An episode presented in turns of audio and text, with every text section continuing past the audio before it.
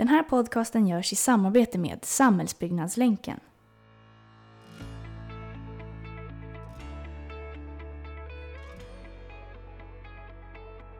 Hej alla samhällsbyggare och välkomna till podcasten som genom intervjuer med branschens ledande personer låter oss inspireras att tänka och agera mer hållbart.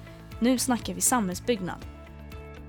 Personen vi ska få träffa idag har sedan sin examen från väg och vatten på KTH haft en lång karriär på bostadsutvecklingsföretaget JM och tillträdde som VD redan som 40 år ung. Jag säger varmt välkommen till Johan Skoglund. Varmt, varmt välkommen till Nu snackar vi samhällsbyggnad, Johan Skoglund. Tack så mycket, kul att vara här. Ja, men om vi kör igång, kan du berätta om JM? JM är ett företag som har funnits sedan 1945 så vi firar ju 75 år nästa år. Eh, och vi jobbar främst med att utveckla bostäder i de nordiska länderna. Så JM finns i Sverige, Norge, Finland och vi finns bara i storstadsområden som har stark inflyttning. Och vi bygger bostäder, vi bygger äldreboenden, studentlägenheter, bostadsrätter, ägarlägenheter, hyresrätter. Så att vi bygger egentligen allt inom boende i de större städerna i Sverige, Norge och Finland. Mm. Eh, och vad gör du på JM? Du är ju VD för JM, men liksom, hur ser en vanlig arbetsdag ut? En vanlig arbetsdag finns egentligen inte utan Nej. dagarna ser väldigt olika ut. Den här veckan till exempel har vi haft strategimöte med styrelsen eh, under två dagar då vi lägger fram inriktningen hur vi ska jobba de närmaste åren. Eh, nu idag så träffar jag dig här en timme och sen ska jag träffa vdn för Atrium Ljungberg och sen så ska jag ut och titta lite på projekt. Mm. Jag försöker titta på våra projekt ungefär en gång i veckan. Men man kan säga att eh, jag kanske lägger en tredjedel på externa kontakter på styrelse, ägare, investerare. Och så lägger jag en stor tid av, av dagarna på att möta JM-människor, sitta mycket interna möten och, och besöka projekt och så. Så att det är en mångfald av möten och olika besök eh, som jag liksom hanterar under veckorna. Mm, spännande. Och eh, om du kan göra en uppskattning, hur många timmar i veckan jobbar du? Det, det, det, är svårt att säga. Den här, den här veckan har jag inte varit hemma någon kväll.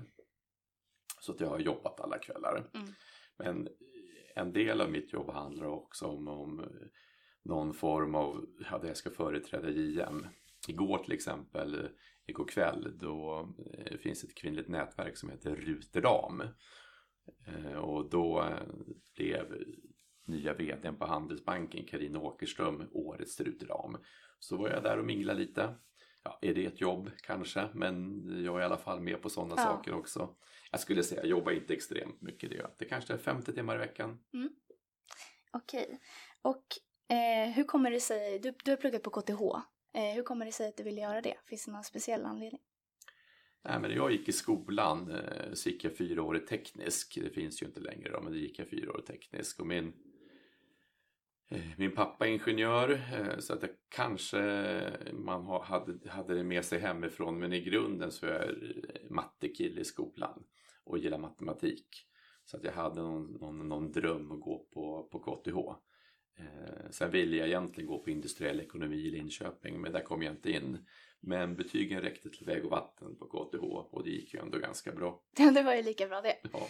Ehm, och så här personligt roligt om dig, har du några fritidsintressen som du gör om du får vara Nej, men just nu, jag är trebarnspappa men eh, våra barn är ju stora idag. Det bor ju ingen hemma, de är mellan 25 och 30 år. Men annars har det ju varit, eh, varit viktigt att jobba och vara bra pappa och hänga mycket med familjen och så. Idag, i morse innan jag träffade dig, spelade jag tennis mellan 7 och 8. Mm. Så jag försöker lägga rätt mycket träning på morgnarna mellan 7 och 8. Mm. Eh, ska man orka med ett sånt här jobb så måste man vara ganska fit för att det är mycket kvällar och mm. det tar mycket tid och du ska liksom orka hålla i på dagarna. Så för mig har alltid varit viktigt med träning. Eh, spela tennis och nu i helgen ska jag plocka svamp. Hänga i sko- hänga, jag gillar att hänga i skogen. Ja. Och sen, jag tycker väldigt mycket om att vara i skärgården och segla och jag tycker väldigt mycket om att åka skidor. Mm.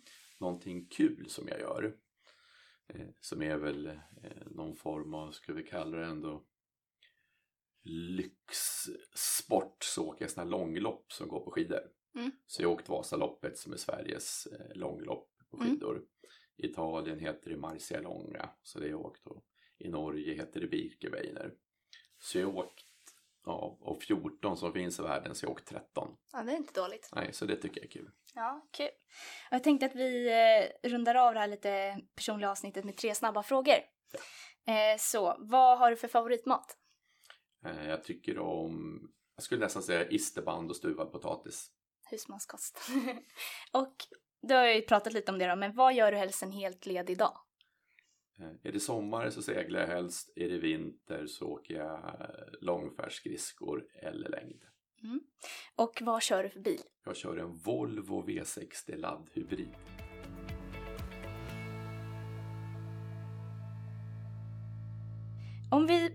Tänker tillbaka lite på din karriär då. Jag har gjort lite research och vet att du har jobbat på JM under hela din yrkesverksamma karriär. Eh, hur kommer det sig att det blev så? Ja, men när jag gick, gick Väg och vatten så gjorde jag exjobbet eh, på JM. Eh, och det handlade om fribygget, hur man marknadsförde bostadsprojekt. Och på den tiden så marknadsförde man inte bostadsprojekt alls. Så jag var ganska intresserad av marknad och boende och, och bostäder. Och jag gick ut 1986. Eh, och då var det ganska enkelt att få jobb.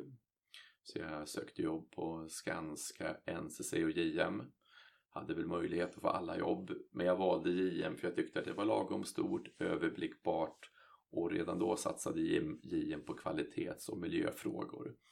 Eh, så det låg mig lite varmare om hjärtat och därför valde jag JM. Mm. Och eh, om vi ser tillbaka eh, från att du gick ut, vad har du haft för olika roller? Ja. Jag har gjort eh, väldigt mycket på JM. Eh, först eh, när jag började då så var jag platsingenjör Mm. och då var jag ute mycket på olika byggen. Jag var ute, mitt första projekt var ett kontorsprojekt som vi byggde i, i stan på Gamla Brogatan. Så där var jag med ett, ett par år och byggde det. Sen byggde vi JM ett större kontorsprojekt på Drottninggatan vid Sergels torg som heter kvarteret Hägern Större. Då var vi också platsingenjör, jobbade ute på bygge. Eh, jobbade lite som biträdande platschef, arbetsledare på några entreprenadjobb i Farsta. som vi byggde åt eh, Telia. Så mina första år var jag ute på projekt och det tror jag för mig har det varit bra för jag, jag, jag kan den jargongen och jag kan en del av det praktiska man gör. Sen så jobbade jag som projekteringsledare. Sen blev jag assistent till han som var VD för byggbolaget. Så var jag assistent till VDn under ett par års tid. Mhm. Sen jobbade jag som projektledare. Mm, hade hand om lite olika projekt. Mitt första projekt var i Segeltorp i Huddinge. Okej. Då JM byggde eh, ungefär 500 flerbostadshus. Så när vi åkte dit första gången, jag var mitt första jobb som projektledare, så var vi där med JMs koncernledning. Eh, och då sa en av direktörerna i koncernledningen, det här kommer aldrig gå. Det är som att sälja glass på Grönland. Och då tänkte jag, det är klart att det här kommer att gå. Och kämpa lite extra hårt för att det skulle gå bra. ja. Så det var kul. Eh, Så jag var projektledare ett, ett antal år. Sen var jag, jag var ganska ung sen när jag blev eh, regionchef. Mm. Kanske 34 år. Så hade jag hand om eh, Stockholm Söder, mycket av det vi byggde i Stockholm Söder. Sen var jag regionchef för någonting som heter Ytterstan i Stockholm. Och sen när jag var kanske 37-38 så blev jag, kom jag med i koncernledningen och ansvarade för allt, eh, alla kommersiella fastigheter som JM byggde. Och sen så ansvarade jag också för allt som alla bostäder vi byggde utanför Stockholm. Mm. okay. Och sen efter det, måste tänka en stund. Ja, jag gjorde lite annat också. Jag var ansvarig för bostäder även inom Stockholm. Men när jag blev 40 sen så frågade de mig om jag ville bli vd-koncernchef. Mm. Då var jag egentligen halvsugen på det. Därför att då, 2002, då var våra barn 8, 10 och 13 år. Ja. Så egentligen tyckte jag att jag var lite för ung för att bli vd-koncernchef. Eh, tar ju mycket tid att vara pappa och ja, mamma och ta hand om familjen och sådär. Eh, så att jag funderade först ett tag men sen pratade jag igenom med min fru och sådär. Sen sa vi, äh, vi, vi kör på. Gud vad kul. Och så gjorde jag det.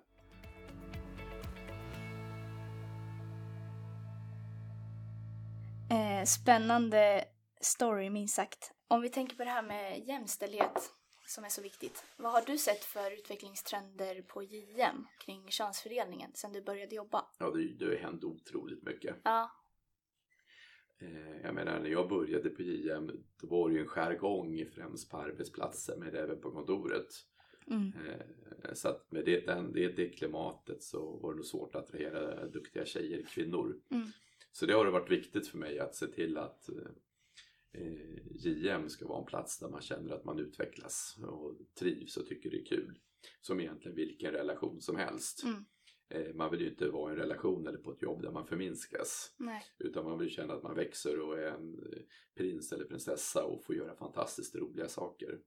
Så där tycker jag att det har hänt eh, väldigt mycket. Tittar man på JM idag, det är ju en resa som har pågått under flera år. Jag tycker på kontoret så tycker jag att vi har varit duktiga. Det tycker jag vi har ganska jämn könsfördelning. Eh, projektledare till exempel här i Stockholm så är hälften kvinnor och hälften män. Däremot så har vi jätteresa att göra hur det ser ut på arbetsplatserna och våra hantverkare. Mm. Och vi har ju som mål att fram till 2030 så ska vi vara 20% kvinnliga hantverkare. Och i år så drar vi igång vårt tredje program för kvinnor där vi kör ett lärlingsprogram under tre år. Så att för några år sedan då hade vi noll kvinnliga hantverkare Ja. och nu har vi 45 stycken. Så vi är nästan 5% kvinnliga hantverkare. Och det är klart, det är ju, när man tänker på eh, könsfördelning och jämställdhet så är det ju ganska fånigt att förr fick inte kvinna bli polis. Mm. Hon fick inte jobba Försvarsmakten, fick inte jobba inom brandkåren. Och, och det är klart att vi har fantastiskt många duktiga kvinnliga hantverkare. Det är ju ett mindset om förändring, verkligen. få till botar, att man kan duscha, att det finns kläder som passar eh, tjejer, att det finns kläder som passar när man är gravid och så vidare. Eh, Så vi som företag måste ju också förändra oss för att kunna attrahera duktiga tjejer. Jag tycker inte- vi är inte bäst, men jag tycker vi har, vi har tagit många steg framåt jämfört med hur det såg ut tidigare. Otroligt kul att höra. Om man tänker på ledningsgrupp och eh, styrelse, när tror du att JM kommer ha en helt jämn könsfördelning där? Eh, Om vi tittar på vår styrelse idag så är det ju fyra män och tre kvinnor. Mm. Eh, Så det får man väl ändå säga Ja. är, är jämnt. Och tittar, tittar vi i ledningen så är vi sex män och tre kvinnor. Eh, Och det var ju noll när jag började så Mm. det är klart att det, att det går framåt. Mm. Jag tror att vi eh, vi strävar ju inte efter 50 utan vi strävar efter 40 till 60. Ja. Eh, Egentligen, eh, det är vårt mål på, egentligen på alla befattningar vi har. Ja. Eh, Så att vi är väl där inom några år skulle jag tro. I alla fall vad gäller hur det ser ut i ledningen. Hållbarhetsfrågan. Eh, hur tänker JM kring hållbarhet? Idag så tror jag att, och egentligen har det varit under många år, hållbarhet är helt avgörande för vår framgång framåt. Eh, och tittar man på hållbarhet så kan man ju dela in det i olika delar. Eh, men JM, vi omsätter ungefär 17 miljarder. Ett bra år, då tjänar vi nästan 2 miljarder. Eh, och av de 2 miljarderna så betalar vi 22% skatt. Så vi har ju tagit en skattepolicy där vi vill betala full skatt. Så vi betalar in 440 miljoner till välfärden. Och det tror jag är nästan det finaste vi kan göra vad gäller hållbarhet. Att inte jobba med smarta skatteeffektiva lösningar. För om inte vi som är stora och starka betalar in till välfärden, då har vi inga sjukhus, vi har inga dagis, det byggs inga gång och cykelvägar. Eh, så att JM som bygger bostadsområden, bostadsområden och bostäder eh, där människor ska leva sina liv och verkligen känna att man har bra livskvalitet. Då måste ju alla de här eh, övriga delarna som jag beskrev finnas för att man ska ha ett fungerande samhälle. Så det tycker jag är jätteviktigt, att ha ett hållbart samhälle, att alla betalar rätt skatt så att det finns resurser till vår välfärd. Sen vad gäller miljö främst så satsar vi, de två stora satsningarna vi gör idag, det är att vi svanenmärker alla våra bostäder. Och vi är det enda företaget i Norden som svanenmärker allt som vi projekterar och bygger. Och det gör vi både i Sverige, Norge och Finland. Och idag så är det en stor kostnad för oss men långsiktigt så kommer kunderna kräva och tar för självklart att vi bygger hållbara bostäder. Mm. Och det betyder att vi använder rätt material, att du kan spåra de material vi använder, att det är låg energi förbrukning i bostäderna med mera, med mera. Eh, så det tror jag är jätteviktigt. Och sen i branschen idag, när vi bygger bostäder så går ungefär 30 kilo per ljus-BTA kvadratmeter till avfall och det är ungefär 3 ton per lägenhet. Mm. Om man räknar med 100 kvadrat ljus-BTA och det är ju alldeles för dåligt. Eh, och det har vi sagt att vi ska halvera på några år och jag tror att vi ändå är bäst idag. Eh, så att vi måste få ner avfallet i, i vår sektor och ha mycket mer färre del eh, ja, som går till all avfall som man sedan eldar upp eller det går upp till deponi. Så det tror jag är jätteviktigt och då måste vi i framtiden ha med prefablösningar eh, och fundera mycket mer kring hur vi emballerar och hur det ser ut med hur vi plastar in material och så. Och kanske inte såga Eh, så mycket trä eller gips som man sen slänger. Så det, det är våra två stora satsningar på miljö, eh, både svanenmärkning och avfallshantering. Sen handlar det mycket om social hållbarhet. Eh, vi satsar ju jättemycket på, vi jobbar tillsammans med Mentor så att man kan ge unga tjejer och killar en bra uppväxt utan droger och våld. Våra visningsmöbler skänker vi till Röda Korset så att de kan sälja, sälja våra visningsmöbler och satsa på, på bra saker. I vissa projekt så jobbar vi nära kommunerna och kanske hjälper unga tjejer och killar med annan bakgrund att få sommarjobb. Eh, vi jobbar med utrikesfödda ingenjörer så att man lättare ska kunna få jobb i vår bransch även om man inte har rätt utbildning eller kan språket till 100 procent. Eh, en hållbarhetsfråga är också den vi pratade om tidigare jämställdhet och jämn könsfördelning. Mm. Det är också jätteviktigt för oss för att vara ett hållbart företag. Eh, och sen också är det viktigt att eh, man tittar på ekonomisk hållbarhet. Det är viktigt för oss också att vi tjänar pengar så att vi har möjlighet att göra alla de här satsningarna. Eh, och vi tittar också jättenoga på de leverantörer vi har. Att de betalar skatt och bidrar till välfärden i samhället. Vi gör revisioner i Kina, Turkiet för att se att eh, de företag vi jobbar med, att man får ha eh, fackförening, att man inte har barnarbetare. Den fabrik, tror jag, i Europa som tillverkar mest kakel och klinker ligger i Turkiet. Och lilla JM är ändå ett litet företag i ett europeiskt perspektiv. Mm. Vi var de första som åkte till fabriken och gjorde en revision hur de jobbar. Så att det är jätteviktigt tycker jag vad gäller hållbarhet att man gör saker på riktigt. Mm. Eh, så det är väl de delarna som jag ser idag som är viktigast. Att eh, jobba med hållbara medarbetare, att, att försöka göra allt vi kan. Sen, gör vi ju, sen kan man ju göra ännu mer. Vi klimatkompenserar till exempel eh, flygresor och så men alla på JM har ju inte elbil för det tycker vi är för dyrt mm. och det är för dålig sträckning. Däremot har vi miljöklassade bilar och som jag sa kör jag en laddhybrid men det som är svårt med hållbarhetsfrågor tycker jag, det är att veta vad som gäller om 10 och 15 år. Utan mm. du måste ju ha ett väldigt långt perspektiv på hållbarhetsfrågor. För ett antal år sedan då köpte vi in 400 etanolbilar. Alla sa att det var jättebra med etanol. Ja. Och sen går ett antal år och så visar det sig att det är jättedåligt. Ja. Så nu när vi köper elbilar så måste man ju vara så säker man kan. För det kan ju bli så att elbilar är inte speciellt bra utan man kanske ska ha vätgasbilar istället. Ja. Eh, men vi kommer ju aldrig kunna driva den utvecklingen men däremot är det viktigt för oss att ligga i framkant. Spännande. Du pratar mycket om det här med resurseffektivisering, att man inte ska slänga för mycket avfall och så. Kan du förklara lite hur projekteringen kan hjälpa till med det? Ja, men vi har också beslutat nu eh, från och med ja, 2018 så BIM-projekterar vi allting. Mm. Allt vi gör och det är ju Just för att vi vill göra mindre fel och vill rita rätt så att när våra hantverkare ska producera då ska det finnas färdiga ritningar. Och finns det färdiga ritningar då kan vi använda dem när vi till exempel köper in gips och köper in fönster och köper in betong. För idag så köper man ofta lite extra gips, för gipsen mm. kan gå sönder under transporten. Man beställer någon kubik extra betong. Därför att det blir väldigt jobbigt på en arbetsplats om man har en halv kubik för lite betong. Mm. Ofta vill man beställa lite extra för att vara säker. Men jag ser framför mig med digitalisering och BIM-projektering att man kan köpa exakt rätt mängd.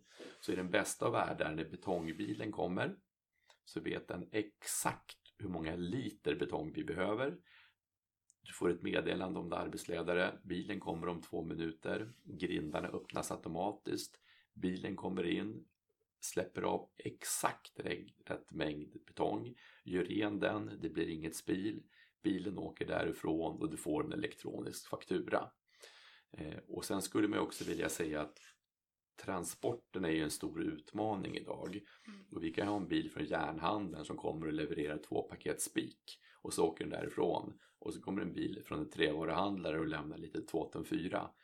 I den bästa av världar skulle man vilja ha samordnade transporter ja. så att det hela tiden är fulla bilar som åker och kanske åker på morgonen. Eh, så det, det, det, det, tror jag är viktigt att, att jobba med mer BIM-projektering och i den bästa av världar så skulle man ha ett gemensamt nordiskt system så att alla använder samma system. Idag finns det lite för mycket, många olika applikationer och lite olika system eh, och långsiktigt så skulle branschen kunna sänka sina kostnader om vi jobbar med liknande system. Otroligt spännande hur digitaliseringen kan hjälpa till i den utvecklingen. Eh, och om vi bara återkopplar det här med svanenmärkta bostäder. Vad är drivkraften bakom att JM gör det? För ni har ju liksom hela tiden jobbat med miljö, men nu när ni svanenmärker. Ja, men vi, vi har ju en, en, en slags vision. Ja. Eh, att vi vill att våra kunder ska få ett bättre liv. Och min dröm, det är när du som kund kommer till en JM-bostad så lägger du handen på ytterdörren, går in. Din favoritlåt från Spotify spelas, kanske Happy, haft en jobbig dag på jobbet, du hänger ifrån dig din kappa, kanske lägger in nycklarna i ett litet kassaskåp, eh, låser det, espressomaskinen om du har en sån, sätter igång med automatik, klockan är sex på kvällen, kommer fram och tar din kopp kaffe om du nu tycker om kaffe, sätter i soffan, gardinerna eller persiennerna går in med automatik, slå på Netflix eller HBO eller vad du nu vill titta på. Titta kanske på Stranger Things. Och så tittar du runt och belysningen släcks, släcks automatiskt och så tänker du Nej men de här på JM, de är ju helt otroliga. Ja. De har tänkt på allt. Förstår ja. du? Då har vi lyckats. Ja. Och då tror jag att det här med miljö och svanen och hållbarhet det kommer man inte tänka på för det kommer vara en självklarhet. Att vi har levererat sunt material från Sverige eller utlandet som är kontrollerat, godkänt. Man får ha fackföreningar, inget barnarbete. Eh, det är material som används som är en ändlig resurs.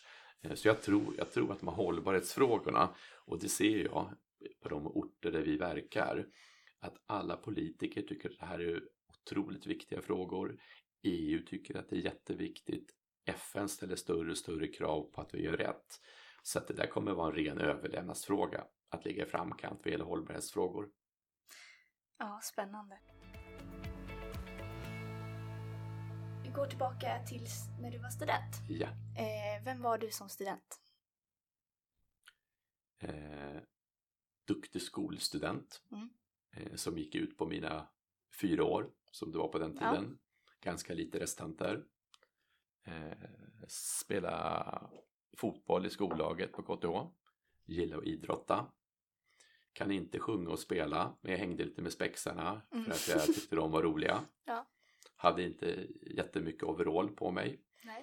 Eh, utan jag var väl som de flesta, ingen superteknolog. Mm. Utan mer en, kan man säga, en vanlig normal teknolog som skötte skolan och var delaktig i ganska mycket av det som skedde på KTH. Men jag gjorde en hel del annat på sidan om också.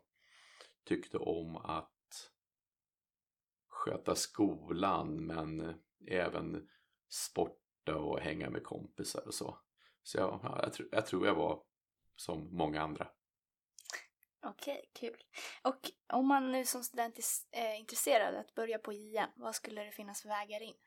Eh, den, eh, den, den eh, enklaste och bästa det är att söka till vårt traineeprogram. Mm. Vi tar, in, vi tar in 10-15 trainees varje år. Eh, som är ett tvåårigt program där man får göra massa olika saker. Eh, så det är det enklaste. Men sen kan man ju också söka jobb på vanligt, vanligt sätt också. Vi söker ju, vi söker ju en, en mångfald av kompetenser. Eh, vi har ju nu, det finns de som går det finns säkert någon eller ett par av ekonomlinjen, någon har gått samhällsbyggnad, någon har gått väg och vatten i Lund eller Luleå och någon har gått industriell ekonomi på Linköping eller Lund. Och, eh, så vi tar in eh, många olika assistenter men eh, hos oss ska man göra karriär. Eh, vi, vi behöver ju många olika kompetenser men man ska ändå brinna för, man ska älska att jobba med människor. För någonstans ska vi förverkliga människors drömmar. Jag brukar säga så här att det, det viktigaste valet i livet om man inte vill vara singel, det är sannolikt valet av, av partner. Eh, men ett, en, kanske näst, näst viktigaste det är ju valet av bostad. Eh, det är ett otroligt viktigt val för många. Eh, och det är det vi jobbar med. Vi förverkligar ju människors drömmar så att du, du, ska ju, du ska ju älska våra kunder. För det är ändå kunderna som betalar min lön och lönen till alla JM-anställda. Eh, så att du ska brinna för människor och kund och också att du får med och bygga samhälle. Vi har ju både små och stora projekt. Jag tror vår billigaste lägenhet kostar ungefär en miljon och den dyraste 22 miljoner. Och i Liljeholmen bygger vi flera tusen bostäder här i Stockholm. Och, eh, vi köpte ju eh, Täby Galopp som heter Täby Park då, med en annan mm. aktör. Och där ska vi också ut utveckla hela stadsdelar. Och det gör vi i Norge också, Göteborg och Uppsala. Så någonstans ska man ju brinna för att bygga ett samhälle. Och det gör man ju tillsammans med andra på JM mm. och med konsulter och med kommuner. Så att då, älskar man liksom boende och kunder och, då, och gillar att utvecklas, då är JM ett bra ställe att vara på. Kul att höra. Och som avslutningsfråga, kan du ge tre tips till hur man som student kan få en rolig och givande karriär? Då ska du få mitt karriärtips ja. som jag gav till våra barn när de skulle på, sitt, på, på, sina första sommarjobb. Ja. Och det tycker jag håller även när man är teknolog och ska ut på sitt första jobb. Mm.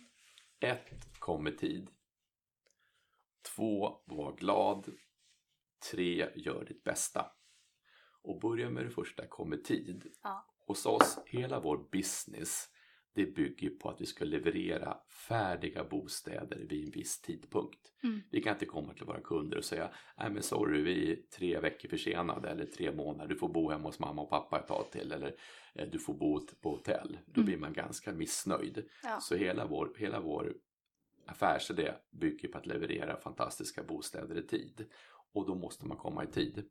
Nu när du och jag skulle träffas mm. 9.30, då är jag här 9.30. Ja. Så det är otroligt viktigt för mig. Jag öppnar alla möten på minuten.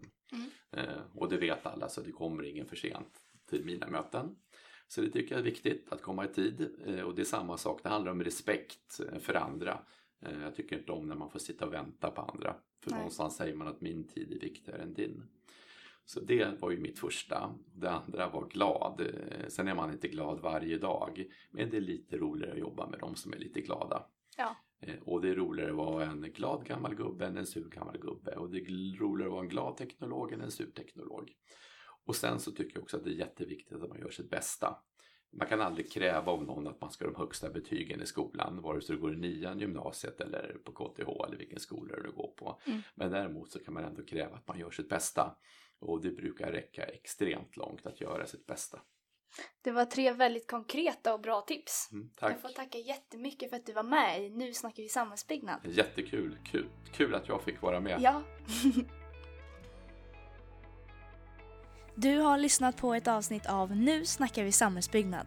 Jag hoppas att du tyckte om det, för i så fall hörs vi nästa vecka.